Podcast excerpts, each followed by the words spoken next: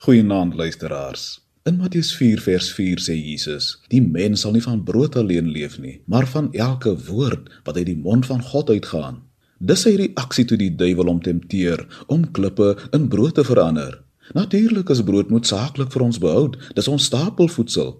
In die Onse Vader leer Jesus ons juis om te bid vir ons daaglikse brood. En brood is hier 'n sambreelterm vir al ons stoffelike behoeftes. En behalwe bid, werk ons natuurlik ook om den brode, want van die sweet van jou aangesig sal jy brood eet. Dis immers God se opdrag. Maar volgens ons teksluisteraars is brood alleen nie voldoende om van te lewe nie. Daar's 'n diep liggende behoefte wat brood nie kan versadig nie, 'n honger wat brood nie kan stil nie, en dis die honger van die siel.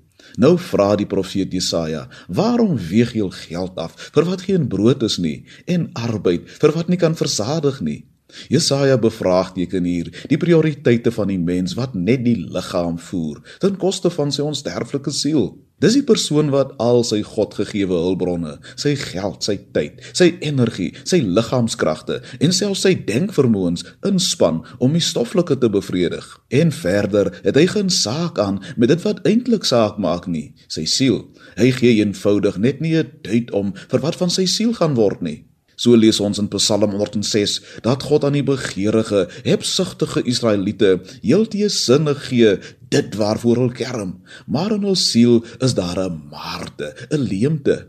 Hulle sterf op die ou einde in die woestyn met vol maag, maar uitgeteerde siele. Wat baat dit om die hele wêreld te win, maar aan jou siel skade te ly? Jy sien, dit wat op die oog af goed en lekker is vir my liggaam en my ego, vir my image is nie noodwendig goed vir my siel nie. Net God se onverganklike woord kan my onsterflike siel versadig. So luisteraar, hoe gaan dit met jou siel?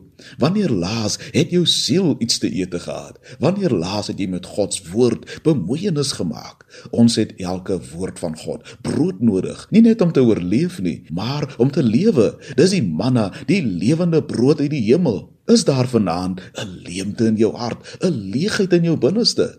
Dan is dit 'n wyte aan geestelike ondervoeding en selfs wanvoeding. Ek eet verkeerd. Ons kan dit regstel deur God se woord met erns te begin lees en gedurig deur te oordink en toe te pas. Dan eers sal ons siele begin lewe. En as ons siele leef, dan leef ons. Onthou, Adam het eers begin leef toe God 'n lewende siel in hom blaas. Daarsonder was hy 'n volmaak geskape, maar lewelose stuk klei. Kan ons saam bid? Here, help ons om van vanaand af bemoeienis met u woord te maak, want daar is lewe in u woorde. Amen.